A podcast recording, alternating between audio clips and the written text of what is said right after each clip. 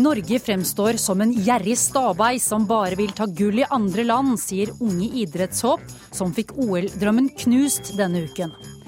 Pippis pappa er ikke lenger negerkonge. Neger? Det er ikke noe skjellsord, det. Jeg kan, kan ikke begripe at det er noe skjellsord.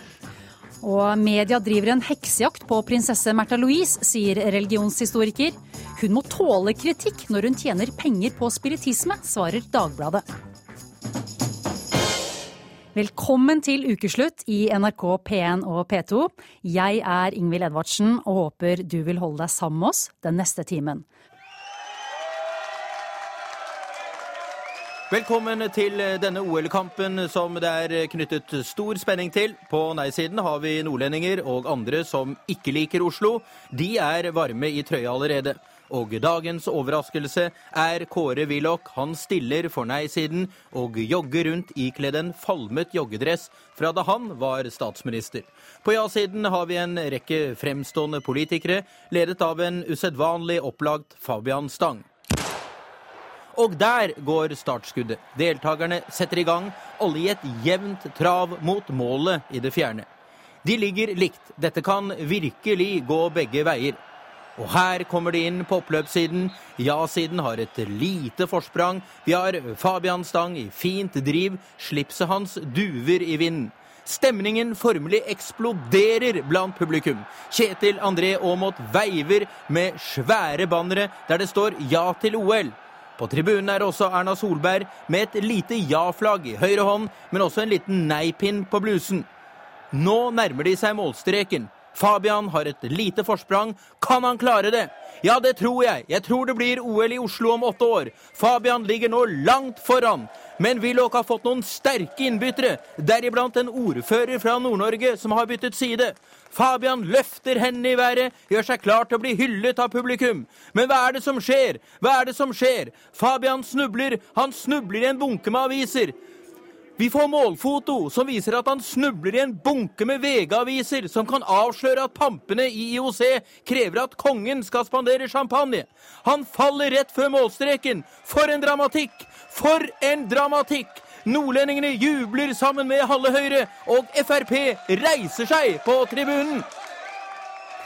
Takk til sportskommentator her i NRK Olav Tråen for den rapporten fra den spennende innspurten i kampen om Oslo-OL. Det ble nei som vant til slutt. Mange trekker et lettelsens eh, sukk, mens andre syns det er leit. Reporter Kari Li har møtt noen av dem som har drømt om å få OL-medalje i Holmenkollen.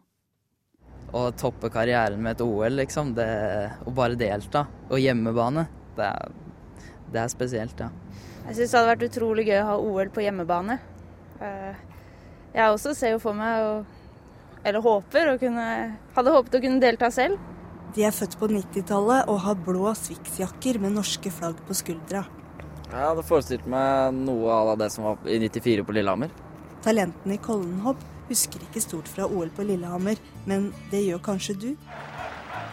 Folkefesten i sterke farger, pins og rare hatter seiersrusen. Men langt dette blir! Det blir veldig langt! Han står!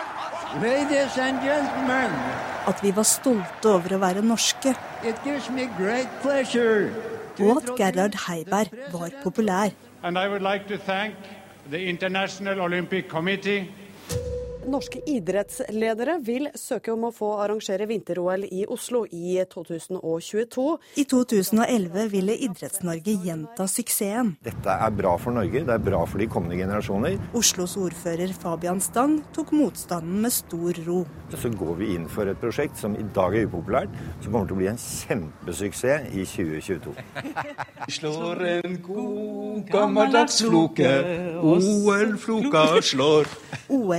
OL-entusiasmen spredte seg til Høyres stortingsgruppe. Og vi har en arv og en historie å ta vare på.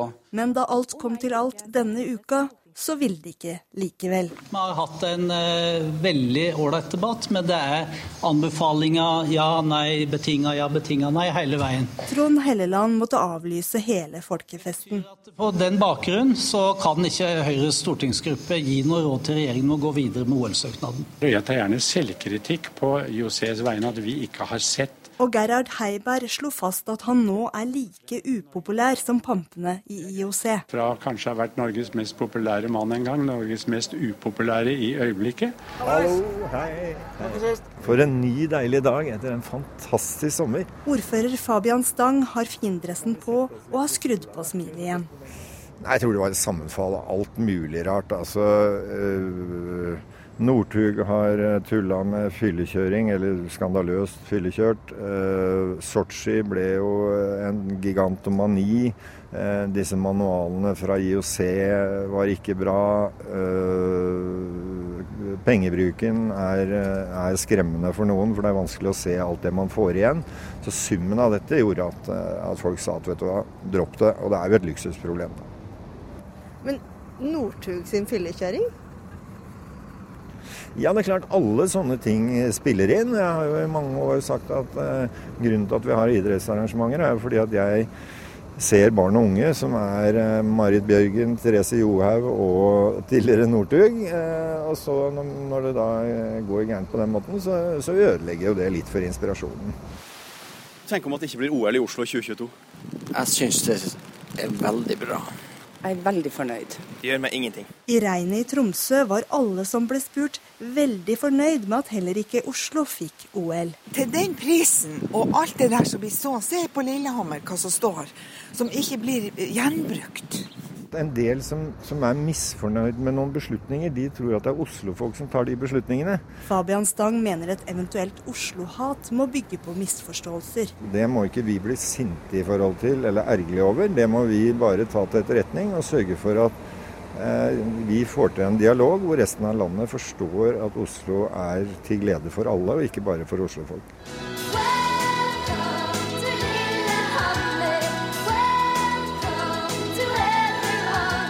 Er du slitne? Ja, jeg er litt sliten.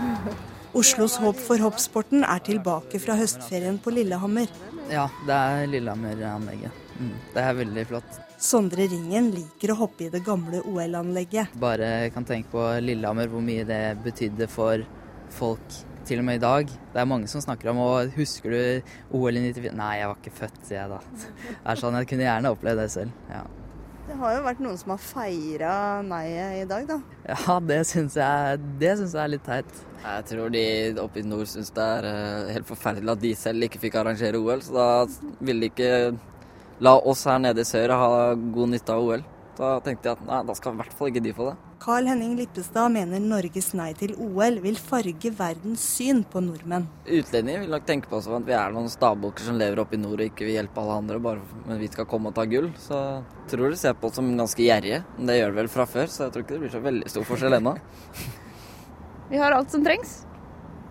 Men så har folk vært negative, rett og slett. Anniken Mork sliter med å fatte hvorfor det ble et nei til OL. Når vi sitter her med masse penger, masse snø, men OL vil vi ikke arrangere.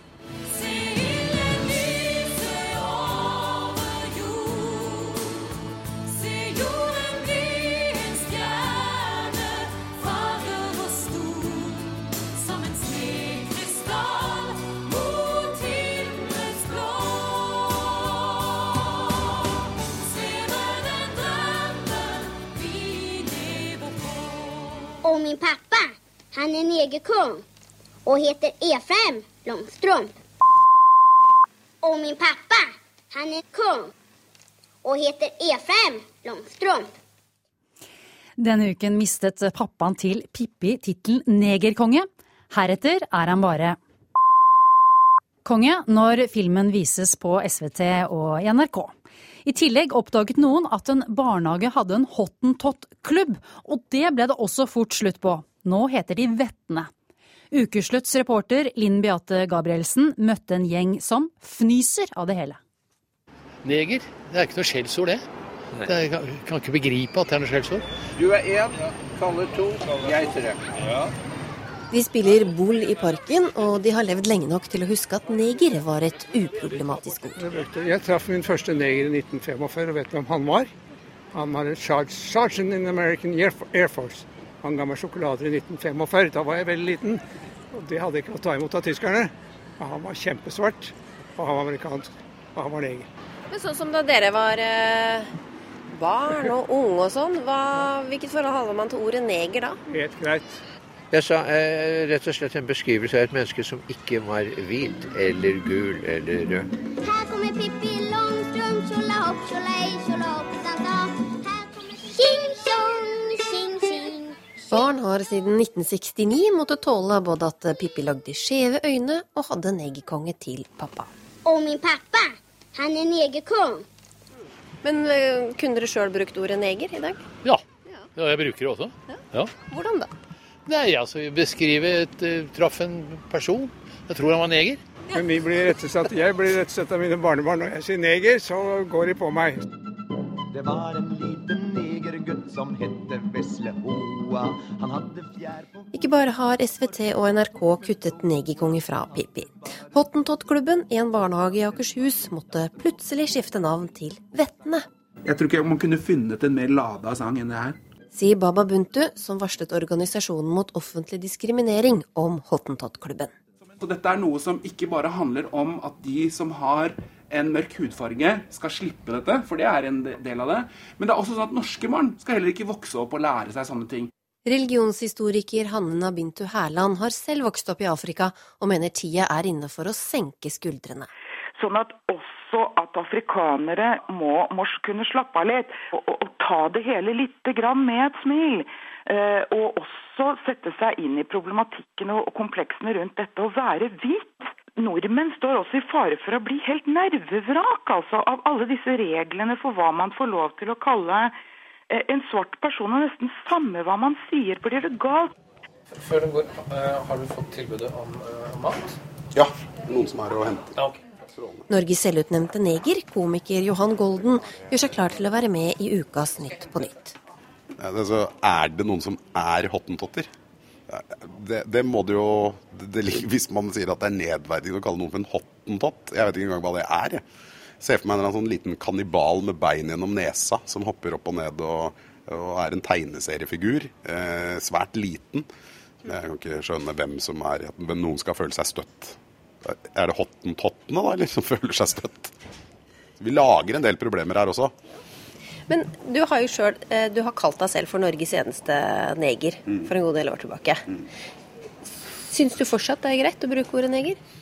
Eh, om meg selv så syns jeg ikke det er eh, noe problem. Jeg måtte jo ta det opp med faren min, som eh, er eh, i forhold til, til meg om mulig enda litt mer ekte neger enn meg selv. Eh, og, og han sa jo bare hvorfor ja, det er det et problem eh, i Norge å være neger? Men Johan, du er jo neger! Jeg, jeg har ikke noe problem med ordet neger. Jeg har problemer med eventuell mening som ligger bak det. Jeg er vel av den oppfatning at det er ikke ordet i seg selv som er skadelig, men det er meningen til avsender som eventuelt kan være plagsom. Men Hva tenker du da om til å ta bort negerkonge fra Pippi-filmen? Altså, det mener jeg er begge deler. Jeg, jeg, jeg tenker litt sånn Hvis man ser på Pippi eh, som skal ha litt sånn oppdragende effekt Nå er det ikke liksom, konsensus nå er det ikke at man sier ikke neger. Eh, du kan havne i en haug med dårlige situasjoner og ganske klønete ved å bruke ordet neger. Dette er som alle som har besteforeldre som bare man har gitt opp, som fortsatt bruker ordet neger. Men er folk for hårsåre, da? Ja, er det rungende klare svaret på det. Men det er jo ikke noe farlig å ta ut disse ordene. Det ødelegger ikke noe Pippis verden. Det kommer ikke til å være et problem. Det kommer ikke til å være sånn ingen, Nå plutselig er det ingen barn som liker Pippi. Så det, det For folk som syns det er helt katastrofe at man tar ut dette, det, det, det merker jeg da. Begynner jeg å lure på om det ligger noe annet under. Ukeslutt spurte et titalls høstferierende barn om de vet hva pappaen til Pippi er, og alle hadde det samme, kanskje litt skuffende svaret. Sjørøver. Han er konge av sjørøverne. Dere husker ikke at Pippi kaller ham for negerkonge, da? Mm, det husket ikke jeg. Hva er en negerkonge, da? Mm, neger betyr jo en brun person, så brunkonge snarere. det. Ja, brunkonge. Hva, hva syns dere er best, da? Ah, Fordi nå vil noen bare kalle han konge. Er det best at han er negerkonge eller konge? Jeg syns han var vanlig konge. Vanlig konge. Her kommer Pippi kommer faktisk ja. Vinni Nyheim, du er eh, psykolog og kjenner godt til eh, diskriminering blant eh, barn med innvandrerbakgrunn, og du kjenner også godt til det afrikanske miljøet i Norge. Vi hører her i saken om en barnehage som har hatt en hottentott-klubb og synger om negergutten. Hva er problemet med det? Jeg tenker at det er et eh, litt sånn trist å høre om at folk fortsatt bruker sånne begreper og i det hele tatt har hottentott-klubber i barnehagen. Eh, jeg syns at eh, nå lever vi i 2014, eh, og vi må begynne å ta inn over oss at, at samfunnet er i endring, og vi må og begynne å lytte til mennesker med afrikansk bakgrunn som mener at de ikke ønsker å bli betegnet med slike ord. Finn Erik Vinje, pensjonert eh, språkprofessor. Du er ikke så bekymret for at barnehagebarn synger om hottentotter og at Pippis pappa er negerkonge. Hvorfor ikke? Nei, Det er eh, en debatt som eh, dukker opp med fem års mellomrom, dette her. Jeg har vært med mange ganger før. Og jeg vil nå si det at hvis man kjenner seg krenket, så skal man ha en grunn til å gjøre det. Og det er gått litt for langt i retning av det at den ene gruppe etter den andre kjenner seg krenket. Det er ikke noe krenkningsgrunnlag å kalle en, en som er venstrehendt, kalle han for keivhendt. Det har vært uh, interessegrupper som har villet forandre dette keivhendt til, til noe annet. Og vi har jo andre litt sånne marginale grupper, da, som vi ikke riktig vet hvordan vi skal behandle. Blind og, og halt og sånn. Eh, Dverg nevnte jeg. Snøhvit og de syv dverger er vel kanskje neste mål da, for dem som ønsker å på jakt.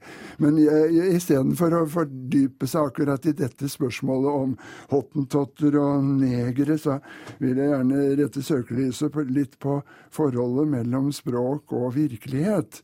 I hvilken grad altså språket påvirker virkeligheten. Eh, Disse som går mest energisk ut for å skifte ut gloser, de innbiller seg at de skal, i beste mening, forandre virkeligheten, påvirke den. Og der tror jeg de tar veldig feil. Ja, da må jeg spørre deg, Vinni Nyheim, forandrer du virkeligheten ved å problematisere ordet neger? Jeg tenker at det kan nok ikke endre eh, om folk eh, Altså gjøre at folk diskriminerer mindre, men det er i hvert fall et skritt i riktig retning. At man slutter å bruke ord som minoriteter i Norge ikke ønsker å, å bli kalt. Jeg tenker at majoritetssamfunnet kan på en måte ikke definere hva en minoritet skal på en måte bli betegnet som. Da. At, det, at de opplever at det er krenkende, er grunn nok til å slutte å bruke sånne ord. Hva syns du om at Finn Erik eh, Vinje sier det han gjør? Nei, jeg syns jo det er hårreisende at en språkprofessor går ut og sier sånn, når, når store deler av det Sier sånn hva for noe? Nei, Som sier at det er et helt legitimt ord, at det ikke er et oh, ja. rasistisk ord. De aller Ja. fleste mennesker med afrikansk bakgrunn i Norge vil jo mene det motsatte. Ja, akkurat. Ja, er det mange barn som eh, opplever, du kjenner jo godt til miljøet, som opplever at neger blir brukt som et skjellsord? Absolutt. Og det er mange, mange mennesker i, som vokser opp i Norge i dag, som på en måte sier ifra at de ikke ønsker å bli kalt det. Og hvorfor skal man insistere på å kalle noen mennesker noe som de ikke ønsker å bli kalt? Jeg svarer på det. Altså, det som bestemmer et ords betydning, inklusive dets assosiasjoner, det er naturligvis bruken. Hvis 95 av norske befolkning synes at neger er diskriminerende og rasistisk, så har vi fått en ny norm. Og da er det klart man må rette seg etter det. Men her er det brytninger, altså. Eh, Jeg kan nevne at i den eh, bibelteksten som jeg så å si er oppvokst med, der står det i profeten Jeremia eh, nettopp neger. i Oversettelsen fra 1978. Og det gjør det jo ikke lenger nå. I den, nei, i den tidligere Nei. utgaven så står det, og der vil jeg lansere et ny, en løsning på problemet, kanskje. I den tidligere utgaven, 1930-utgaven, så står det morianer. Morian. Mm. Morian står der. Og det får jeg for foreslå herved at, at eh, Pippi hun er datter til en morian. Og så får vi se da hvor lenge det holder. Men, men når du sier at 95 muligens av befolkningen Mm. syns dette ordet er problematisk, er det ikke greit bare å kvitte seg med det? Ikke Jo, bruke det i Altså, barnelitteraturen? nå foreslår jeg det. Ja, Morian. Morian. Morian. Men altså, det jeg kan forutsi da, det er det at om fem år så sitter jeg her og forsvarer eh, angrep mot Morian fordi det er krenkende. Eh, vi må slutte, sånn som en av disse som ble intervjuet her, vi må slutte å oppfatte oss som krenkede i alle mulige varianter. På en eller annen måte så er vi sårbare alle sammen. Ja, Men ord har jo på en måte en historisk sammenheng. Du kan jo ikke bare ta ord ut av sin sammenheng. Ordet neger, ordet hottentott har jo historier langt, langt tilbake i tid. Vi skal og slippe mennesker- til en tredje deltaker vi har med oss i dag. Eh, Først skal vi høre et eh, lite klipp fra en låt, en Hellbillies-låt fra 1996. Hør på dette. Kom med toget fra Drammen. En neger sto på Ål stasjon. Ja, låtskriver Arne Morslåtten, du har skrevet denne låten og forsvarer bruken av neger. Hvorfor er det OK å bruke det i en låt? Nei, altså Nå er dette en låt som kom ut i 1996, og den baserer seg på en opplevelse som jeg hadde i Saras telt i Oslo i 1965. Det var første gangen jeg møtte en farga person og satt helt inntil han ved et bord der. Og jeg merka sjøl at jeg var veldig nysgjerrig. Og det, det som dette her ordet står for, for ned, er rett og slett bare en betegnelse på, på hudfargen. Og, og det ligger ikke noen slags form for forakt ved å bruke dette ordet. Og slik er det vel generelt i Norge at neger har vært brukt som et ganske nøytralt ord. Og at vi har hatt et tilsvarende ord som heter nigger, som da er et skjellsord. Og at det har vært skilt ganske tydelig på dette. her. Men det er klart at eh, hvis det er veldig mange som føler seg støtt over bruket, og at noen bruker ordet neger, så, så bør vi fase det ut og, og la være vil, å bruke eh, det for framtida. Du vil beholde det i låten din. Hvilke tilbakemeldinger har du fått på, på bruken i denne sangen?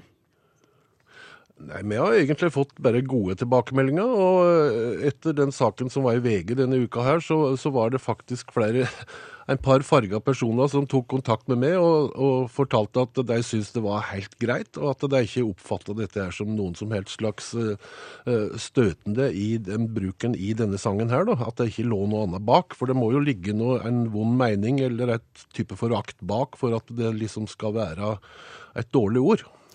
Ja, Vinni Nyhem, eh, eh, kan det ikke være en idé å heller prøve å ufarliggjøre ordet og gjøre det til sitt, eh, heller enn å problematisere det?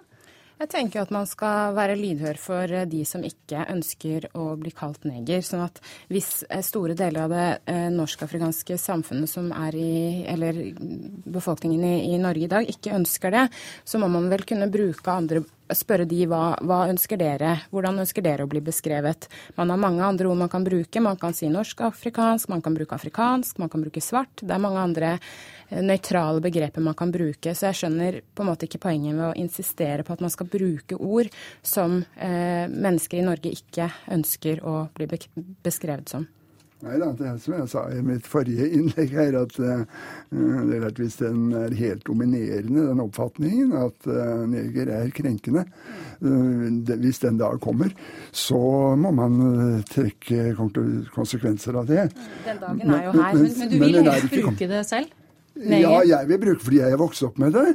Jeg er vokst opp med det, og jeg vet jo, som flere av disse andre har sagt her, at eh, det lå ikke noe diskriminerende og slett ikke noe Men i det er det er irrelevant. Det er irrelevant hva som ligger bak, så lenge noen oppfatter det som diskriminerende. Ja, som altså, ikke, ja som men det vil alltid det være, vet du. Hvis jeg er halt, hvis jeg er halvt eller er keivhendt eh, eller blind på det ene øyet, så er det klart at da, Mm. Da da skiller jeg ut Da skiller jeg meg ut fra et flertall.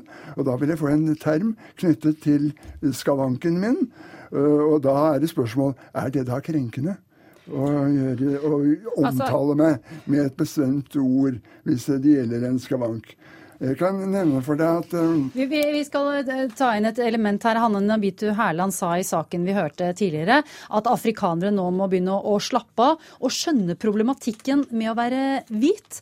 Winnie Nyheim, hvordan reagerer du på det? Altså, jeg tenker jeg skal ikke gå inn i noe debatt om, om, henne, men jeg tenker at det er jo interessant at Jeg skjønner ikke helt hva hun mener med å roe seg ned. Hva vil det si? Altså folk med, Når folk med afrikansk bakgrunn går ut i media og sier noe om at dette her er ikke ålreit, så må de få lov til det uten å, uten å på en måte bli eh, beskrevet som hårsår eller eh, på en måte høylytte eller noe som helst. De må få lov til å si noe om sin virkelighet og hvordan de på en måte opplever eh, det å vokse opp i det norske samfunnet i dag. Ja, med å altså definere mm. begrepet. Tenker du det blir helt, helt feil når en majoritet i Norge skal definere hva som er greit og ikke? Ja, men det, det, er, ikke, det er ikke så helt enkelt heller. For I Sverige så har vi et uh, parti som heter Sverigedemokraterna. Der er det nå de andre partiene bestemt seg for å, å kalle dem for nazister. Ja. Vi må nesten avslutte bli... debatten eh, der. Vi har brukt opp eh, tiden vår. Nå skal vi høre en norsk duo som har vært opptatt av nettopp det å synliggjøre sitt afrikanske opphav. Nico Wins, takk til dere. Vinni Nyheim, Finn Erik Vinje og Arne Moslåtten. I've had a wonderful gift. Being able to communicate with the spirits who are no longer with us. My live shows are what I truly love doing the most. The energy from the audience is incredible. I'm always amazed by how much pain and suffering can be healed through messages I pass on. Ja, vi hørte her det selverklærte mediet Lisa Williams, som nylig deltok på et seminar i regi av prinsesse Märtha Louises engleskole. Williams lovte de flere hundre som hadde møtt opp, kontakt med deres avdøde slektninger. I etterkant har kritikken mot prinsessen haglet i kommentarer og i avisartikler. Nå mener du, religionshistoriker Anne Kalvik, at media driver en heksejakt på prinsesse Märtha Louise. Hvordan vil du karakterisere dekningen? Eh, ja, jeg vil karakterisere den siste tidas mediedekning og åra forut for å være prega av en, eh, en uærlig og religiøst forvirra mediediskurs. Og, eh, og, noe som nærmer seg kampanjejournalistikk, dessverre. Og som på veldig mange punkt bryter med Vær varsom-plakaten. Du har pekt ut Dagbladet som en av verstingene. Hva konkret er det du reagerer på? Nei, Dagbladet har jo, men i likhet med veldig mange andre aktører, så har Dagbladet kjørt en rekke saker mot prinsessa og hennes spirituelle virksomhet. Akkurat den siste tida så kom det en del utspill som foregir gjerne å være eh, nøytrale eller rasjonelle motinnlegg mot det prinsessa driver med, men det står seg dårlig i forhold til en analyse som eventuelt skulle ta hva skal du si, folkets røst alvorlig, eller handle om at ulike stemmer skal kunne komme eh, fram i offentligheten på, på like fot. Det skjer ikke. F.eks. når Human-Etisk Forbunds eh, Didrik Søderlind får eh, oppslag i Dagbladet, det var på nettet, eh, om at eh, det handler ikke om åndelig utvikling, det handler om økonomisk utnytting. Så får hans eh, utspill stå uimotsagt. Da må vi slippe til Martine Aurdal, du er debattansvarlig i eh, Dagbladet. Hva sier du til denne kritikken? Nei, man kan jo alltid alltids ha sympati dersom man opplever at en medvirkning blir veldig sterk mot enkeltpersoner. Eh, samtidig så deler jo ikke jeg eh, Anne Kalviks forståelse av Dagbladets dekning. Nå har vi i denne runden ikke ment noe selv på, på lederplass, men vi har hatt, som Kalvik sier, flere nyhetsoppslag. Og vi har hatt en, en rekke debattinnlegg også. Og der mener jeg at vi faktisk har belyst saken fra flere sider. Vi har både hatt de som har eh, kritisert henne. Vi har hatt innlegg som eh, mener ting i tråd med det Anne Kalvik mener. Både om dette går for langt i retning mobbing, og satt inn i en religionshistorisk sammenheng, som Torkild Brekke gjorde her for et par uker siden. Det stemmer jo ikke at dere ikke har ment noe på lederplass. Det ble det jo gjort fredag 11. juli 2014 i forbindelse med eh, Märtha Louise og dette Ja, det er riktig at vi mente noe om ja, det i, som, i sommer. Kommers, ja, forførerisk kommersialisme var da eh, merkelappen. Og det, det, retter seg jo eh, inn i en lang, lang rekke av karakteristikker. Og det jeg da lurer på, det er hva er Dagbladet sitt redaksjonelle grunnlag for stadig vekk å stemple en del av det religiøse feltet i Norge som eh, negativt, som svermerisk, som farlig. Eh, som, det er det lett eh, å svare på, Anne Kalvik. Dagbladet er kritisk til all religion, og for øvrig også monarkiet. Eh, enten religionen er eh, ny, som i dette tilfellet, eller den er 2000 år gammel. Det har vi en eh, lang og trygg eh, Men man lager vel ikke likevel en kritisk reportasje noen fra kongehuset døper barnet sitt, f.eks.? Nei, men det er noe eh, tross alt annet. Eh, Det som gjør denne situasjonen såpass spesiell, er jo at Märtha Louise ikke bare har en personlig tro, men at hun har en forretningsvirksomhet som bygger på den troen, og på å overbevise andre i denne troen, da. Eh, Og så er det jo et ekstra paradoks selvfølgelig at vi har en konge som selv insisterer på å fortsette å være kirkens overhode, også i strid med stortingsflertallet, mens eh, en av tronfølgerne, da, hun er vel nummer fire i rekka, eh, står for eh, noe ganske annet, og har en kommersiell virksomhet som altså nå også inkluderer spiritisme. Ja, så Da mener altså Dagbladet at hva en far eh, tror skal legge føringer for hva ei voksen datter skal tro på å drive med. Det er jo et ganske merkelig utgangspunkt, syns jeg. Og det Men du snakker som om dette er en hvilken som helst far og en hvilken som helst eh, datter. Her, vi lever i et monarki. Det er også Dagbladet kritisk til. Eh, Men vi lever i et monarki der de også har en spesiell posisjon. Hun Ja. har en maktposisjon i vårt samfunn. Hun står selvfølgelig fritt til å si og mene og tenke og tro akkurat hva hun vil, men hun må ikke uh, slippe unna med kritikk for det. Det er jo Nei, så opplagt du at vi bør mener ha en altså åpen debatt rundt dette. Ja, Anne Kalvik hun er altså nummer fire i arverekkefølgen. Hun bruker prinsessetittelen uh, også i sin eh, forretningsvirksomhet. Eh, Er ikke det en grunn til at pressen skal drive kritisk journalistikk på det hun gjør? Ja, men eh, en kan jo spørre seg hva, hva mer prinsesse Märtha Louise kan gjøre da. Vil altså Dagbladet kreve at hun kaller seg Märtha Louise Behn og tar ektemannen sitt etternavn? Er det spesielt progressivt? Altså, Men hun er nå en gang skinne- født inn i den familien Nei, hun er født inn i den familien hun er, i et land som har valgt å holde seg med monarki. Hun har sagt fra seg apanasje, hun har sagt ifra seg eh, kongelig høyhet-tittel. Og det som Dagbladet nå kjører fram, er at hun må, vær så god, holde spirituelt kjeft for resten av sitt liv. Hvis ikke så skal en fortsette å forfølge henne med krigstype overskrifter, med udokumenterte påstander, påstander som ikke kan forfølges inn i et rasjonelt, ja, logisk og vitenskapelig felt. Hva mer kan prinsessen gjøre for å slippe pes fra media? Så lenge prinsessen tjener penger på å overbevise andre om at de eh, skal eh, snakke med sine døde forfedre, eller at de skal bli eh, friske av håndspåleggelse gjennom eh, hennes forretningsvirksomhet, så må hun tåle å bli Men for det for gjør jo Didrik Sø Søderlind òg i Human-Etisk Forbund. Han òg får jo lønn for det arbeidet han gjør for å overbevise folk om at livssynshumanisme er det riktige. Så hvorfor kritiserer dere ikke han på samme måte, eller stiller motspørsmål til han, når han påstår at 1500 kroner er en vanvittig pris for et åtte timer langt seminar, f.eks.? Dagbladet stiller svært ofte uh, kritiske spørsmål til religionens plass i samfunnet av alle slag. F.eks. skrev politisk redaktør Marie Simonsen en stor artikkel om eh, en stor kommentar eh, der hun kritiserte religionens plass i samfunnet etter den store demonstrasjonen som, eh, som mange muslimske miljøer sto i spissen for mot ekstremisme nylig. Dette har Dagbladet holdt på med i mange år, og det kommer vi til å fortsette med også å gjøre i svært mange år framover, mot religion av alle slag. Men antireligiøse representanter de får gå fri, altså. Så det er liksom deres rasjonal, rasjonelle, logiske Nei, men vi har da også uh, hyppige diskusjoner rundt, uh, Nei, det rundt finansieringen av, uh, av trossamfunn generelt. generelt. Anne Kalvik, eh, hvordan mener du pressen burde dekket eh, eh, prinsessens eh, virksomhet? De burde dekke det på samme måte som eh, andre religiøse virksomheter, praksiser og forestillinger i samfunnet blir eh, dekka. Men en har jo ofte mangel på kunnskap om dette. Så er det klart at denne problematiseringa av at prinsessa er prinsesse, ja, den er eh, viktig. Men samtidig så var det bare en notis i Dagbladet i 2012, når deres egen spørreundersøkelse viste, altså da de henta inn profesjonell eh, spørreundersøkelsesaktør, da husker jeg ikke hvem det var, men en fant i alle fall ut at kun 30 mente at eh, prinsessen misbrukte tittelen sin gjennom sin virksomhet.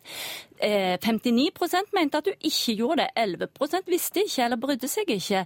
Sånn at det som Dagbladet Kritiserer du oss for å ha gjort en undersøkelse, eller for å vi for lite plass til den? Eh, fordi jeg kritiserer dere for å bruke resultatet, for å gjemme vekk resultatet, samtidig som dere gjennom åra framstiller det som at folket er i hanisk og opprør fordi at prinsessa fremdeles kaller seg prinsesse, og tillater seg å ha en spirituell virksomhet. Og det pengeargumentet syns jeg at du virkelig må tenke litt mer kritisk og reflektert igjennom. Vi får avslutte der. Eh, Så vidt jeg har skjønt kommer det snart en bok der prinsesse Märtha Louise eh, selv eh, forteller hvordan hun synes det er å få oppmerksomhet fra pressen. Takk for at dere var med i Ukeslutt, Anne Kalvik og Martine Aurdal. For to år siden ble det kjent at norske sykehus utførte senaborter der fostrene hadde hjerteslag i over en time før de døde. I etterkant har regjeringen foreslått å gjøre grensen for abort absolutt ved 22 uker. Denne uken gikk høringsfristen ut, og blant de som er kritiske til denne innstramningen er dere i Norsk gynekologisk forening. Jone Trovik, du er leder der. Hva er problemet? Problemet er at det er ikke riktig å sette en så eksakt grense. Fordi at levedyktighet oppnås ikke på ett bestemt tidspunkt. Kan du forklare det litt nøyere? Abortloven sier også at man skal ta individuelle hensyn, og at hvert enkelt tilfelle skal vurderes individuelt. Det må også da gjelde hvert enkelt foster. Så vi må vurdere hvert foster om det anses å være levedyktig. Sånn som det er i dag, så er ikke et foster generelt levedyktig ved 22 uker, som er satt som grense nå. Det er først etter 23 uker at det i praksis er noen som overlever med den medisinske behandling som er tilgjengelig i dag. Ola Borten Moe, første nestleder i Senterpartiet. Du mener det er eh, absurd å tillate abort etter 22. uke. Hvorfor det?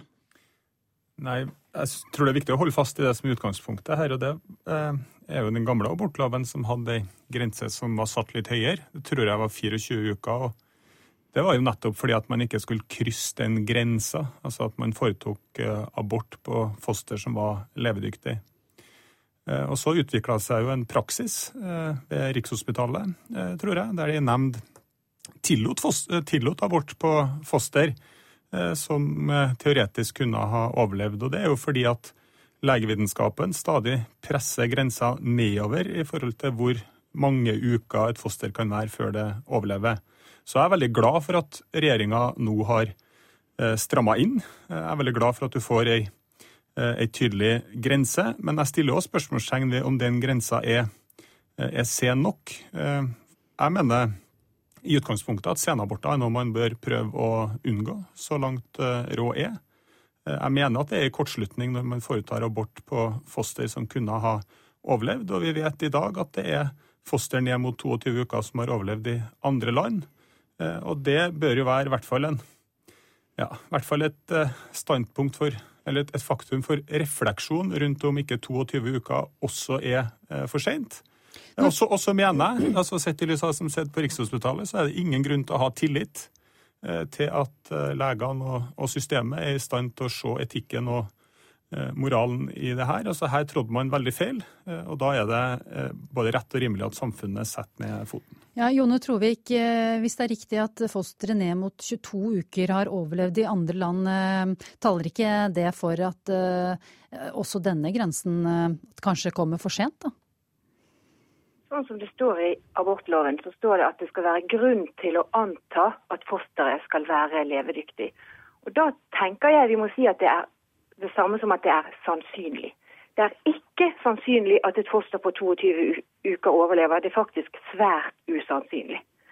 Så det at det er beskrevet ett eller to tilfeller som på noen måte har overlevd, er ikke det samme som å si at det er sannsynlig at de overlever. Det er slett ikke sannsynlig at de overlever på det tidspunkt. Hvem er, det som, hvem er det som rammes av eh, denne innstramningen som regjeringen ønsker? Senaborter er svært sjeldent. De kvinner som kommer i den situasjonen at de ikke er klar over at de er gravid så sent i svangerskapet, det er en spesiell gruppe kvinner. Det kan være de aller, aller yngste som ikke har vært klar over at de har vært gravid øh, før de har og ikke klart å erkjenne det før veldig, veldig sent. Det kan være kvinner som lever eh, med psykisk sykdom, som heller ikke klarer å erkjenne dette. Og ikke minst det er kvinner eh, med store rusproblemer. Og spesielt for den siste gruppen, selv om fosteret i utgangspunktet skulle antas å være frisk, når du har eh, mor har levd i en russituasjon eh, i da alle disse månedene, så er det stor grunn til å tro at det er et foster med enda mindre grad av overlevelse eh, enn et ellers helt friskt foster. Ja, og det, de, de eh, kvinnene der vil bli rammet av denne. Ja, glidende overganger hører vi Ola Borten Moe at barnet til en fosteret til en rusmisbruker blir levedyktig senere. Taler ikke det for at en absolutt grense kanskje kan være feil? Nei, og jeg, jeg tror veldig sterkt at en eller annen, et eller annet punkt i løpet av et svangerskap så får eh, det ufødte liv krav på en beskyttelse. Eh, I kraft av å være seg selv, akkurat som eh, jeg har det, og du har det, eh, og alle andre eh, har det. Og så kan det finnes gode eh, grunner for at mor er i en eh, fortvilt situasjon sent i svangerskapet, men eh, det tenker jeg er egentlig av eh, altså rett og slett av underordna eh, interesse. Det som da må telle, det er jo om eh, det her barnet kan bæres frem, om det her barnet kan overleve. I Norge så har vi satt eh, grensa for selvbestemt abort til tolv uker. Det er den eh, grensa som samfunnet aksepterer for at man selv skal få bestemme eh, om barnet skal bæres fram eller ikke, og så blir det gradvis strengere. Eh, Og jeg tror egentlig at i fortsettelsen av denne grensa på 22 uker, så burde samfunnet, regjeringa, vi politikere tatt initiativ til et litt bredere ordskifte som handler om hvordan man kan begrense antall senaborter ytterligere. For i mitt hode så er det i hvert fall sånn at jo senere i svangerskapet du får en abort, jo vanskeligere blir det å forsvare det moralsk og etisk. Og når du passerer grensa for når et foster ellers kunne ha overlevd, ja, da er det etter eh, mitt eh, skjønn en fullstendig kortslutning. Jeg er helt enig med min meddebattant her at vi alle ønsker å begrense både senaborter og også tidligere aborter. Eh, loven er sånn at fosteret har et gradert rettsvern. Sånn at det stilles sterkere og sterkere krav utover i den tiden som man i det hele tatt gir rett til å innvilge abort. Utvik. Utviklingen går ganske fort. Eh, tror du man klarer å forutsi den dagen man klarer å, å redde barn som i dag blir eh, abortert? Jeg spør du meg, da? Nei, jeg spør Jone Trovik. Ja, eh, Utviklingen på hva som er mulig, den eh, går fremover hele tiden. Og, og, det er jo også sånn at vi eh, må eh, følge med på den. Og hvis det er sånn da at det blir sannsynlig at overlevelsen går ned i uketall, så skal vi justere oss i forhold til det. Men sånn som det er per i dag, så er det ikke sannsynlig at, noe, at foster overlever 22 uker. Men det kan godt være at det blir mer sannsynlig senere. Eh, og, og, da får vi justere det, men per i dag eh, ser jeg ikke noen grunn til det. Jeg sier takk til dere, Jone Trovik og Ola Borten Mo. Moe. Ukeslutt er over. Ansvarlig for denne sendingen var Maria Lavik. Teknisk ansvarlig Hilde Tosterud. Jeg, Ingvild Edvardsen, ønsker deg en fin lørdag.